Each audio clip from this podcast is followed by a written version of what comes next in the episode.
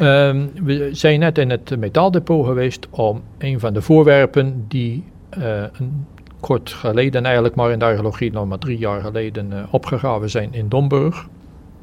Ja, een rond voorwerp. Ja.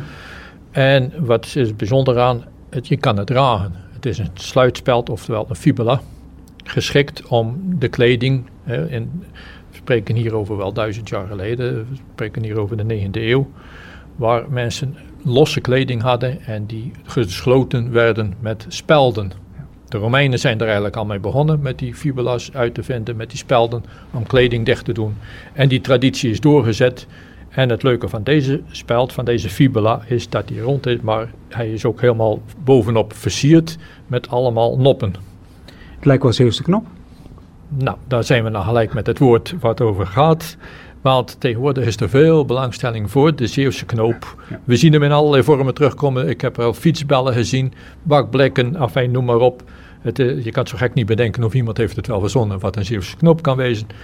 Maar die Zeeuwse knopen die zijn allemaal recent en het lijkt erop dat die Zeeuwse knoop niet ouder is dan 100 jaar.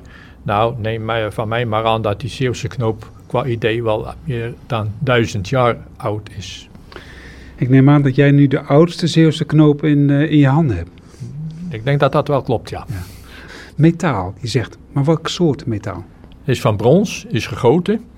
Um, dan wil je ook natuurlijk graag weten waar is dat, uh, waar is dat ding dan gemaakt? Is dat hier in Zeeland gemaakt? Nou, nee. Ik denk niet dat er hier een smid is die de techniek beheerst om dit ding, dat, dat is heel fraai voorwerp, uh, zo te maken. En er is recentelijk laatste half jaar is er onderzoek gedaan naar allerlei fibulas hier, die hier in Zeeland gevonden zijn. Lijkt het erop dat dat ding in Zuid-Engeland, uit Zuid-Engeland komt. Het, motief zelf, je zegt het al, hè, hij lijkt dus op een Zeeuwse knoop. Hij, is ook gelaagd, hè, hij heeft ook een verdiepingje. Ja. Het is ongeveer 4 centimeter in doorsnee, als ik het ongeveer schat, 4,5. Nou, iets minder, 3,5. Ja. Nou, bij die, recent, bij die opgraving dus van een aantal jaren geleden in Domburg zijn er, uh, ik schat ongeveer een 25 verschillende fibulas gevonden, verschillende vormen. Maar dit is de enige die ik ken die op deze manier uitgevoerd is. Ik ken er ook geen enkele verder in Nederland die op die manier uitgevoerd zijn. Dus werkelijk, wat dat betreft, kunnen we met recht zeggen, een uniek voorwerp. Tot slot, uh, Henk Hendricks, want jij bent de depotbeheerder hier van de Stichting Cultureel Erfgoed Zeeland. Uh, zijn musea dan niet ontzettend jaloers dat jij zo'n uniek exemplaar hier in je depot hebt en willen ze hem dan ook niet uh, tijdelijk exposeren? Nou, wij beheren natuurlijk voorwerpen voor de langdurige termijn. Maar wij zijn als depot, wij zijn geen museum.